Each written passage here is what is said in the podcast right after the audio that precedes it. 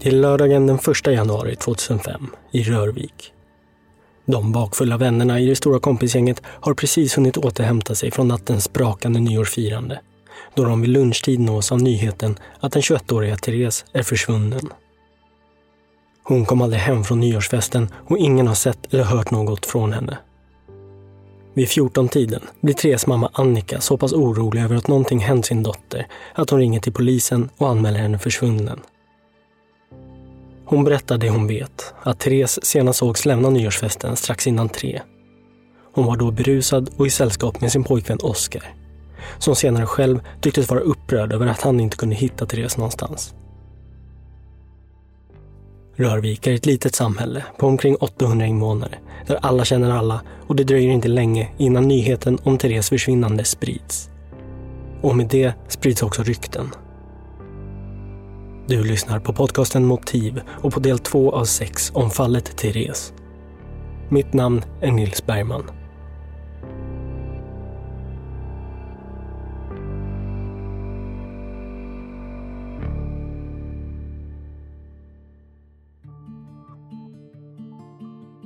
Mm. Ja, nej, Therese är ju, eller var ju då min eh, kusin. Så det, ja. Från min lilla stuga i utkanten av Rörvik försöker jag komma i kontakt med så många jag kan som på ett eller annat sätt har haft insyn i Therese försvinnande. De som inte bor kvar och som jag kan träffa personligen sitter jag och ringer upp på kvällarna. Och en av dem jag ringer upp är Thereses kusin Madeleine. Jag hade ganska mycket planer framöver för jag hade ju inte fyllt 18 och, ja, och vi skulle ut på krogen och sånt när jag hade fyllt 18. Vi planerade ganska mycket då. Så eh, ja, vi hade väl en hyfsat nära relation skulle jag vilja säga. Madeleine var också på nyårsfesten i bygdegården. Men minnesbilderna från själva festen är svåra att få fram. Och det här känner jag igen från andra jag pratar med. Det är så svårt när det är så lång tid tillbaka men eh, självklart kommer man ihåg alltså detaljer då om man säger dagen efter. Eh, när man får det här samtalet då liksom att, ja, att de inte hittar Therese.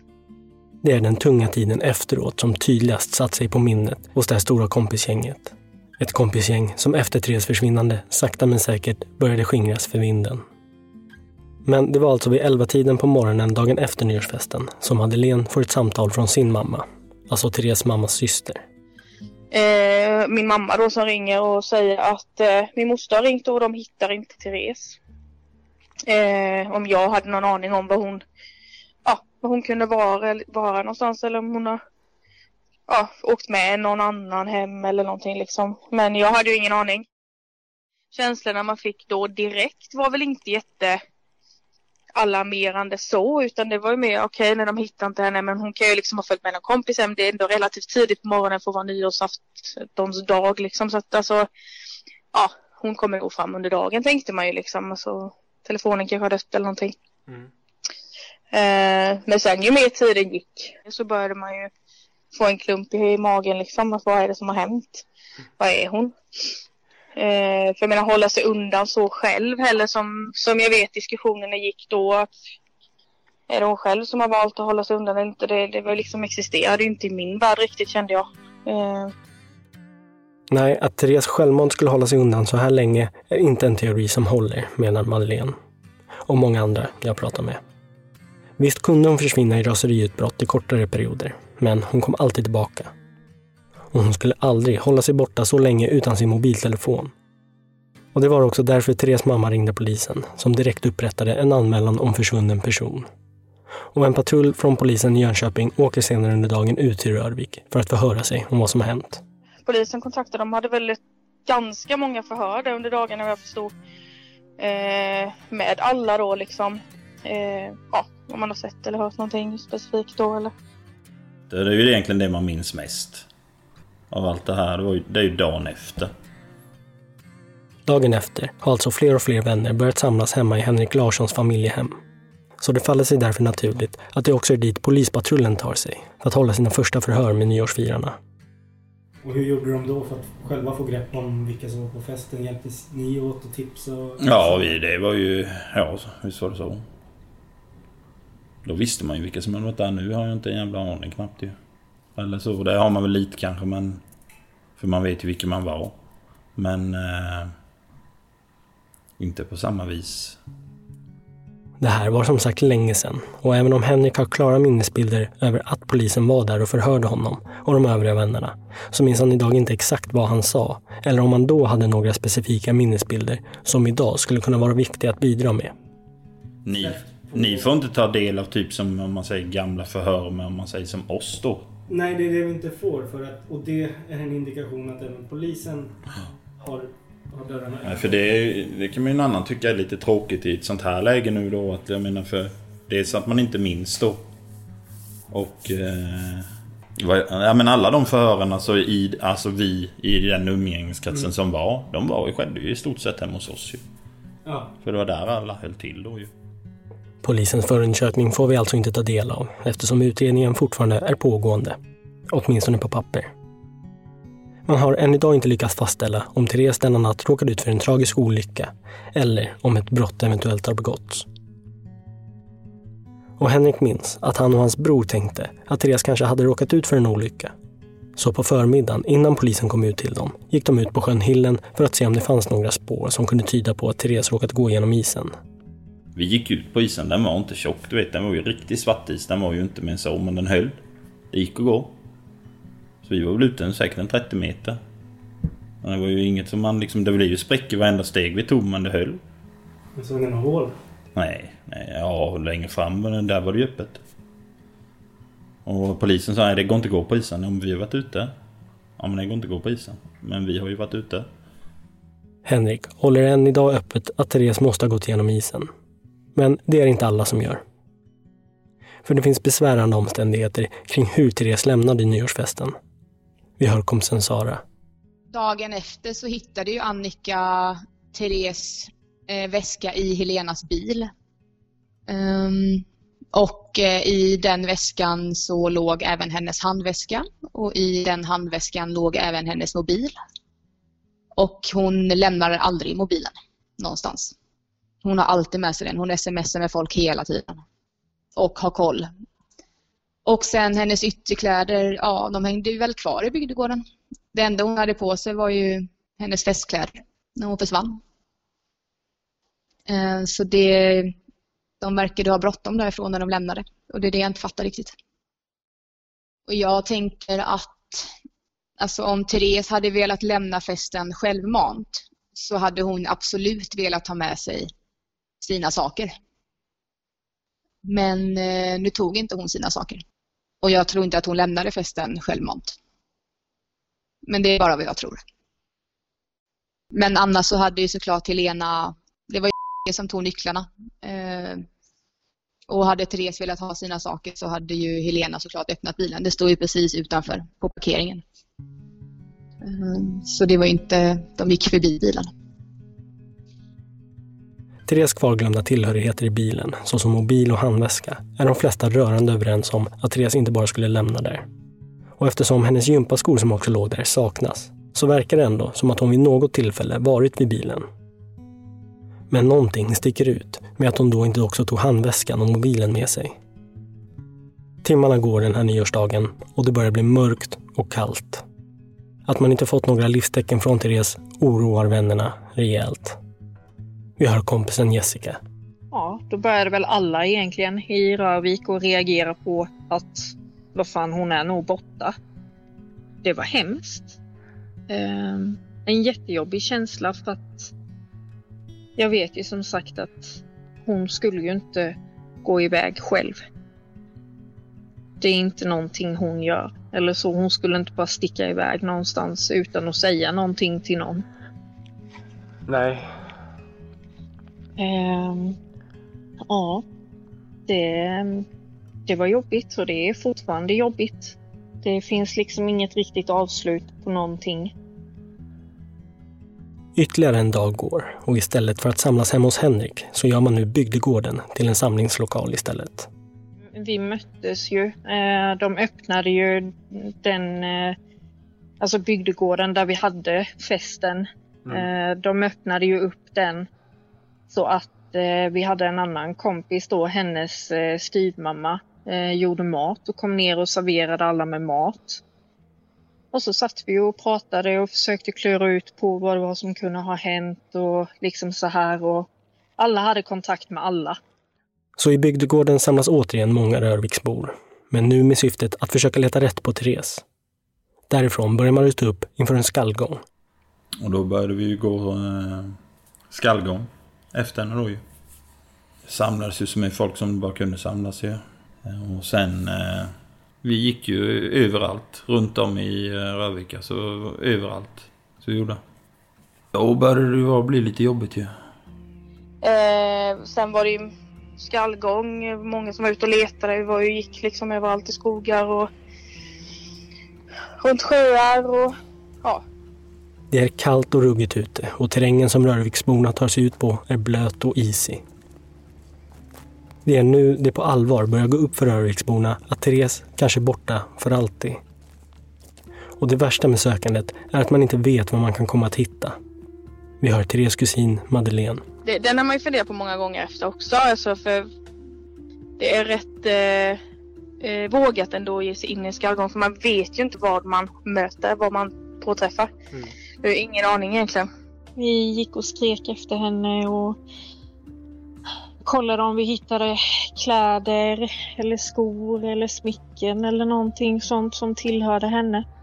Mm.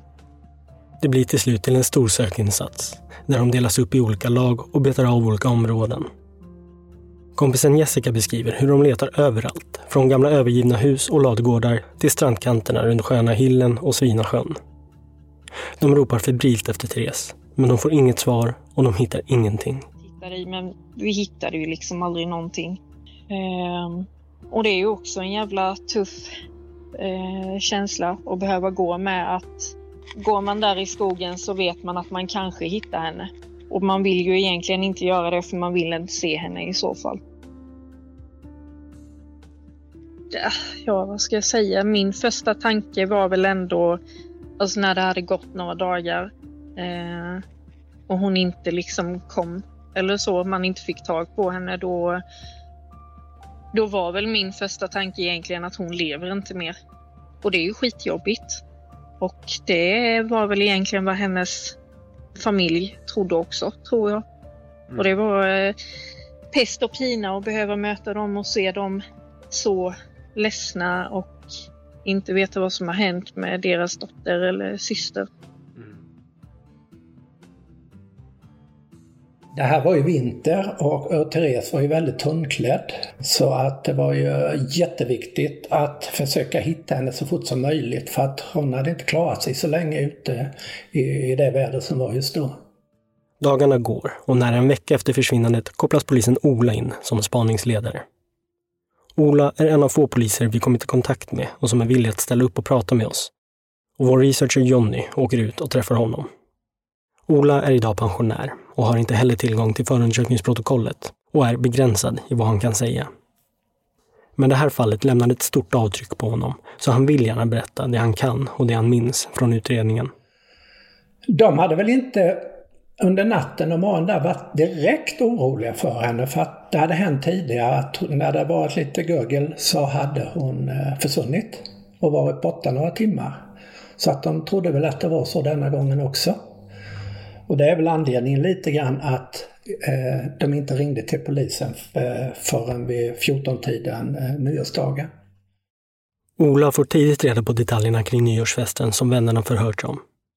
Allt om felaktiga nycklar och iakttagelsen av Therese och Oskar uppe på backen vid Helenas lägenhet. Och Ola tycker att det är besvärligt att det efter det inte tycks finnas några spår från Therese. Inga klädesplagg eller någonting sådant telefonen, eh, hennes eh, låg i systerns bil som eh, fanns kvar uppe vid bygdegården. Så det gick inte att spåra någon telefon heller. Så nej, inga direkta spår.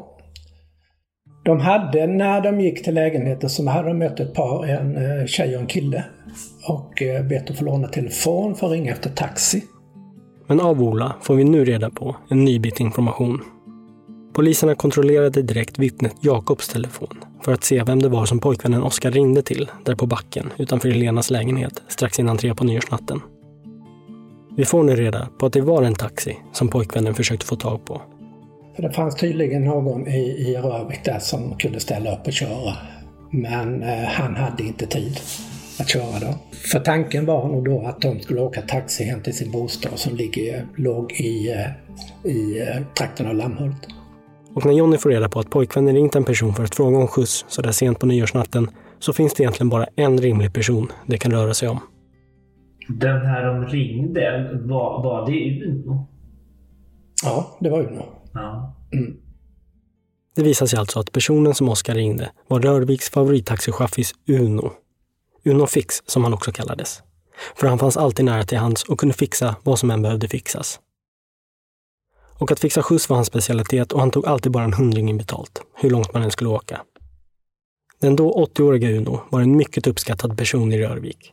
Och idag sörjer Rörviksborna hans tragiska bortgång. För Uno blir nämligen ett par år efter detta brutalt mördad och hittas i sjön Hillen med en krossad skalle. Vi kommer dit senare. Ola berättar också att de givetvis undersökte Therese mobiltelefon som återfanns i systern Helenas bil. Jag har inte riktigt den undersökningen i huvudet men eh, det var inget som eh, ledde vår utredning framåt. Nej. Nej. Och ingångsläget var ju försvunnen person men när det är ett ingångsvärde med, detta så, så finns ju alltid tanken att det kan ligga våldsbrott bakom. Så det fanns ju hela tiden med. Så man gjorde ett stort sök eh, under några dagar. Poliser utför dörrknackning runt om systern Helenas lägenhet. Men ingen har sett eller hört någonting. Inte heller andra taxibolag har sett någon ensam ung kvinna längs vägarna. De frågar även hemtjänsten som ofta åker ut och ser till de äldre i området. Men inte heller de har sett någonting. Det fanns ingenting att gå på. Vi hade ingen aning om hon tagit vägen. Det kom in tips att man sett en kvinna där och där och där och de tipsen undersökte vi givetvis. Eh, men det var inget av dessa som stämde in på, eh, på Therese. Samtidigt växer sökinsatserna i omfång. Utöver att fler Rörviksbor sluter upp så kallas militären in. Även en orienteringsklubb anmäler sitt intresse för att hjälpa till att söka efter Therese. Och till slut blir man väldigt många som dag ut och dag in letar efter henne. Det var jätteviktigt här för att få hitta henne. Om det nu var så att det var, hon hade gått ut i skogen någonstans eh, och trillat och inte kunde ta sig upp. På grund av det väder som var också då. Vi eh, sökte ju också runt eh, de vattensjöar som fanns i området och de var isbelagda. Alla sjöar förutom eh, Hillens södra del. För där var det en vak som var öppen. Men det var det enda öppna vattnet som fanns så att det är klart att det var kallt. Och ni sökte på, på, på de här nära sjöarna men, men, Ja. men ni hittade... Det fanns ingenting som tydde på att någon skulle ha gått, gått igenom isen så Nej. säga, eller, eh, Det gjorde det inte. Och vi sökte med hundar runt sjöarna också så att... eh, Och enda stället det var den här öppna vaken då som fanns eh, på sjön Hillen. Och den undersöktes av räddningstjänsten. Den. Den enda vaken som fanns på sjön Hillen undersöktes av räddningstjänsten. Men exakt vad för undersökningar som gjordes får vi inte reda på. Det är nu den 7 januari och kalla, hårda vindar har börjat blåsa in söderifrån. Sedan var ju den här stormen på ingång också. En storm är på ingång. Och inte vilken storm som helst. Stormen Gudrun. En kraftig storm är på väg in över de södra och mellersta delarna av landet varnar SMHI. Stormen väntas börja nu under.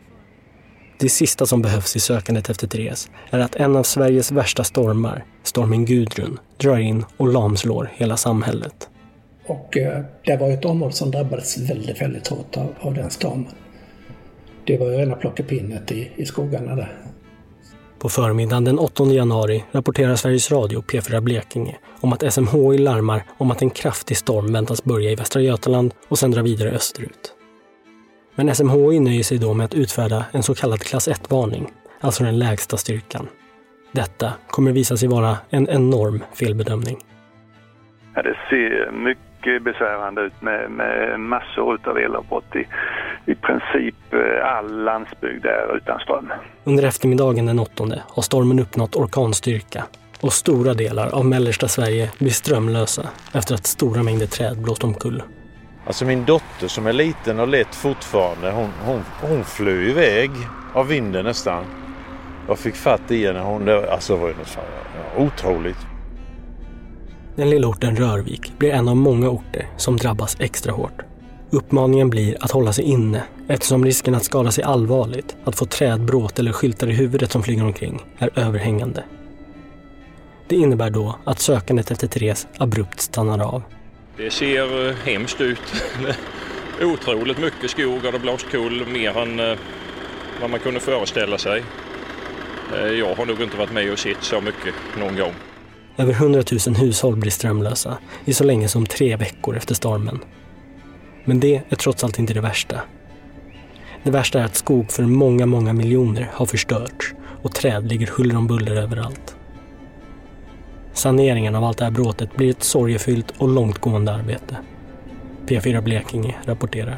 Ja, vi räknar ju med att alltså, det räcker nog inte med det här året för att eh, det här påverkar så jättemycket. Och man vet inte när man får ut skogen eller hur man får ut den eller vad man får för den. Eller om man ens får ut den i år. Så därför så, så kommer det här till att, att hänga med oss väldigt lång tid framöver. Det blev ju plockepinn i hela skogen. Så det var ganska svårt att fortsätta sökandet. För man kom inte fram någonstans. Sökinsatserna efter Therese tvingas alltså avbrytas. Och det under en lång tid. Söken efter henne upphör i princip helt under flera veckor framöver. Det ligger helt enkelt för mycket bråte ute för att Rörviksborna ens ska kunna ta sig ut från sina hem. Therese kompis Sara minns väl hur det var att dagen efter, den nionde, vakna upp till den här misären. Det var ju förtvivlan, eh, såklart. När jag vaknade upp eh, på morgonen och då har jag sovit hemma och så har man hört hela natten att det bara brakar ute och man förstår att eh, aj, aj, aj, det här är inte bra. Och så vaknar man och tittar ut genom fönstret när det börjar bli ljust kring typ halv nio och bara ser att allt bara ligger ner. Vi bor ju mitt ute i skogen, alltså jag och min familj gjorde det då. Och vi kunde inte, vi hade varken el, vatten, vi, hade, vi var instängda, vi kunde inte ta oss någonstans. Eh, och det var kallt. Och så visste man att, eh, jaha, nu då, Therese är ju borta liksom. Så det var, det var misär. Ja, det var ju många som tog livet av sig då. Därför att deras skog blåste ner. Det var ju deras livsverk. Det var ju hemskt. Rörviksborna har nu drabbats av ytterligare en tragedi och kompisen Henrik minns också hur han låg vaken hela natten och hörde träden falla. Att det lät som fyrverkerier och att han sörjde med de som ägde skogen. Mm. Jag säger en annan som är uppväxt med plantera skog och sånt. Jag menar det har gått mycket, jag har jobbat mycket i skogen nu. Det är ju, eh, som morfar säger, det är ett framtidshopp. Alltså det är ju någonting, det tar ju 80 år för det här jävla trädet att växa upp liksom. Så jag förstår att de var ledsna. Mormor och morfar de var ju också, det blåste ju ner rätt många. Värdet försvann ju för det blev ju så mycket på en och samma gång. Så de fick ju ingenting för att och så var det ju trä för kanske 5 miljoner som försvann. Och som de fick kanske 200 000 för. Så det var, ja, det var lite tung tid här med. För många. Det var mycket som hände för er. Ja. Polisutredningen gällande Therese försvinnande sätts tillfälligt ur spel. All närliggande polispersonal behövs nu på annat håll. Och då polisutredningen haltar hopar sig frågorna kring Therese försvinnande. Vännerna vet fortfarande inte om en olycka inträffat, om hon blivit kidnappad eller kanske mördad. Det börjar nu pratas en hel del i de många strömlösa hushållen i Rörvik. Och rykten och misstankar börjar växa som mögel och smyger sig in överallt. Ja, det är klart att det går rykten direkt om att det är han som har eh, råkat ha ihjäl henne. En person jag kommer i kontakt med, som vill vara anonym, minns specifikt ett rykte som spreds runt omkring i grannkommunerna. Jag, jag hörde ju rykten genom vänner som bor kvar i Lammhult eh, och, och, och sådär liksom. Och sen så från, eh, även som min pappa hade hört och sådär. Och det var ju att han hade, i och med att han jobbade på slakteri så hade han ju då med hjälp av sin pappa forslat dit henne eh, efter, efter de hade, ja, han skulle väl ha mördat henne då. Så sen så hade han då tagit hjälp av sin pappa och malt ner henne i köttkvarnen på, på slakteriet. Och han är ju jag visste ju att folk har sagt att han var väldigt stark och liksom sådär. Kunde bli ganska aggressiv när han hade fått alkohol och sådär i sig. Så att han, han var kapabel till allt möjligt. sa de. Alltså han hade en extrem styrka och sen då att han hade ju, ja, nej men ryktena går ju som sagt och det, han hade ju, ja, kört, kört ner henne där då och sen hade de väl stuckit därifrån liksom. Men det är ju, det är ett litet samhälle och eh, folk är ju ganska duktiga på att snacka men samtidigt så vet man inte heller vad som kan ha hänt. Han höll ju sig väldigt mycket, han höll ju sig undan för mig. Var det jag minns. Alltså han slaktare. Jag menar det var ju slaktaren Lammhult blev det ju mördaren och det kommer man ju ihåg han blev kallad. Och blir väl än idag av en del liksom. Nej, det kan inte vara roligt. Det är pojkvännen Oskar som blir föremålet för de flesta misstankarna och får alltså öknamnet Slaktaren från Lammhult. Men även om man inte tror på ryktet att pojkvännen ska ha malt ner Therese i en köttkvarn så är det ändå befogat att rikta vissa misstankar mot honom. För om Therese bragts om livet så är det statistiskt vanligt att en närstående är inblandad. Vi hör kusinen Madeleine. Och eh, vad jag har förstått det är ju inte heller jätteovanligt att man att det, alltså det, att det är partnern då som, i detta fallet pojkvännen, som oftast blir misstänkt då eftersom det är en relation. Mm. Men eh, eh, så jag vet inte, det var väl det egentligen, de ryktena liksom. Och då började spekulationer där. Vad, har han gjort henne någonting liksom? Eh, ja men då, då blir det ju också så här, bara okej okay, hur kommer det sig att hennes telefon hamnade i en necessär i en ryggsäck i eh, min andra kusins bil. Hennes systers bil då liksom och telefonen för henne var ju liksom, hon sov ju med den under kudden typ. Mm. Vad gjorde den där? Varför hade hon inte den med sig? Alltså då börjar man ju undra, då har det liksom börjat, då börjar man ju fundera igen efter det här liksom, bara, varför blev det så? Det är så här konstiga grejer då som man inte får ihop. Och sen vad jag förstår, alltså de, han är ju den enda misstänkta som har varit Mm. ett eh, Jag tror att det var någon gång i, i början av februari. Det är alltså inte bara Rörviksborna och grannkommunerna som riktar sina misstankar mot pojkvännen. Det gör även polisen. Den 9 februari häktas och frihetsberövas pojkvännen i en veckas tid misstänkt för mord alternativt dråp på sin sambo Therese. Vi hör vår researcher Jonny i intervjun med polisen Ola. Och hur, eh, hur agerade han när, när, när, när han förstod att han var misstänkt? Nej, han lämnade en berättelse och, eh, och vi hade ju vi hade ju ingen kropp. Therese var inte hittad. Så vi hade ju ingen aning om vad hade egentligen hänt Therese. Så att det, det blev ju jätteknöligt här i början. Eh, så eh, nej, han lämnade en berättelse vad som hänt och det fanns överhuvudtaget inget, inget som motsade det han sa. Det kunde mycket väl ha varit så som han berättade. Så att eh, han satt ju häktad ett tag och sedan eh, blev han frisläppt. Mm. För jag vet att eh, när eh, systern och mamman är ju i, i, i systerns lägenhet. Eh, och då kommer ju pojkvännen hem och är, är väldigt eh, eh, upprörd eh, Mm. att, att Therese är försvunnen och, skitig Mm. är han ju. Och, och, och de är ju ganska, vad jag förstått, ändå coola med det. Vad jag hört med både dem och, Mm. och en kompis till henne har berättat. Eh, men han, han är upprörd. Eh, var det någonting som ni, som, som ni tänkte på? I och med att hon, hon brukade ju... s- eller brukade, men hon, hade ju stuckit iväg tidigare Mm. och det var ingen som verkligen har reagerat så mycket på det. Nej, hans förklaring var ju att han hade varit ute hela natten där och letat efter henne. Och det kan vi heller inte slå hål på om det var på det viset.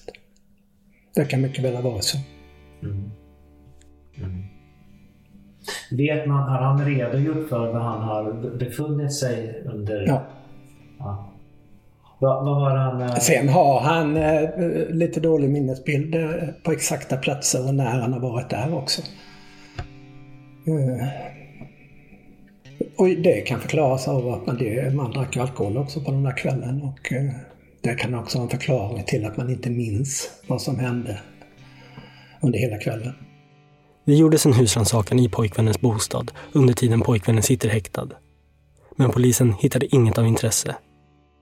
Den 17 februari släpptes han fri och brottsmisstankarna mot honom lades ner. Inte heller någon dokumentation kring förhören som hölls med honom och vad hans redogörelse bestod i får vi ta del av. Och polisen Ola är medvetet sparsmakad med de detaljerna.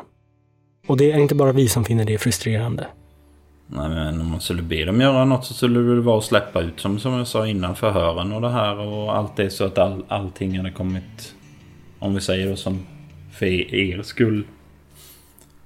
Alltså folk som vill eller kan ägna tid åt det. För de gör ju inte ett skit åt det längre liksom. Det kan de ju inte knappast påstå. Nej, hur känner du kring det? Nej men det är ju... Jag tycker ju det är rätt skevt. Kan jag ju säga. Mm. Alltså det har varit skönt om att fått fram vad det är som har hänt. Dagarna går och blir till veckor och månader.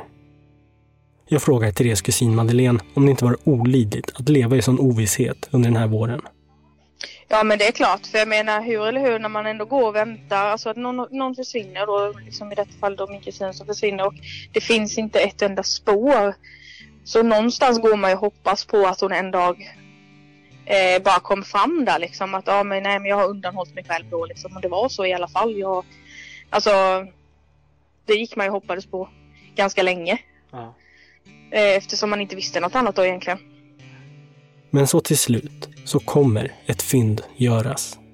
Men sen var det ju här då sen när hon hittades. Det var i juli tror jag det var. Det var ju mitt på sommaren där i alla fall. En söndagkväll den 3 juli hittas slutligen Therese, avliden i sjön Hillen. Och det visar sig att det var stormen Gudrun som möjliggjorde det fyndet. Det är nämligen lastbilschaufförer som ska hjälpa till att röja upp nedfallen skog som hittar henne. He suddenly cried, fuck! I, I asked, what happened? What happened? I think it's a body, I think it's a body. Och enligt en poliskälla som läcker information till kvällstidningarna så har rättsläkaren som undersöker Therese kropp gjort bedömningen att Therese dog innan hon hamnade i vattnet. Man påträffade nämligen inget vatten i lungorna. Nu väcks misstankarna ännu starkare om att någon måste ha mördat Therese. Och sen så eh, gick ju tankarna såklart direkt till att eh, ja, vem är det som har haft ihjäl henne? Och för mig så finns det bara en vett, eller alltså det finns bara en person. Du har lyssnat på Motiv och på del två av sex om fallet Therese. Fallet Therese är en samproduktion mellan Talltale och A Rabbit Hole. Researcher var Johnny Kock. Produktionsassistent Albin Håkansson. Efterbearbetningsproducent Martin Mork. Producerat av mig, Nils Bergman och av John Mork. Glöm inte att prenumerera på podcasten Motiv. Och ni får även gärna skriva en recension. Det hjälper fler att hitta till podden. Tack för att ni lyssnar.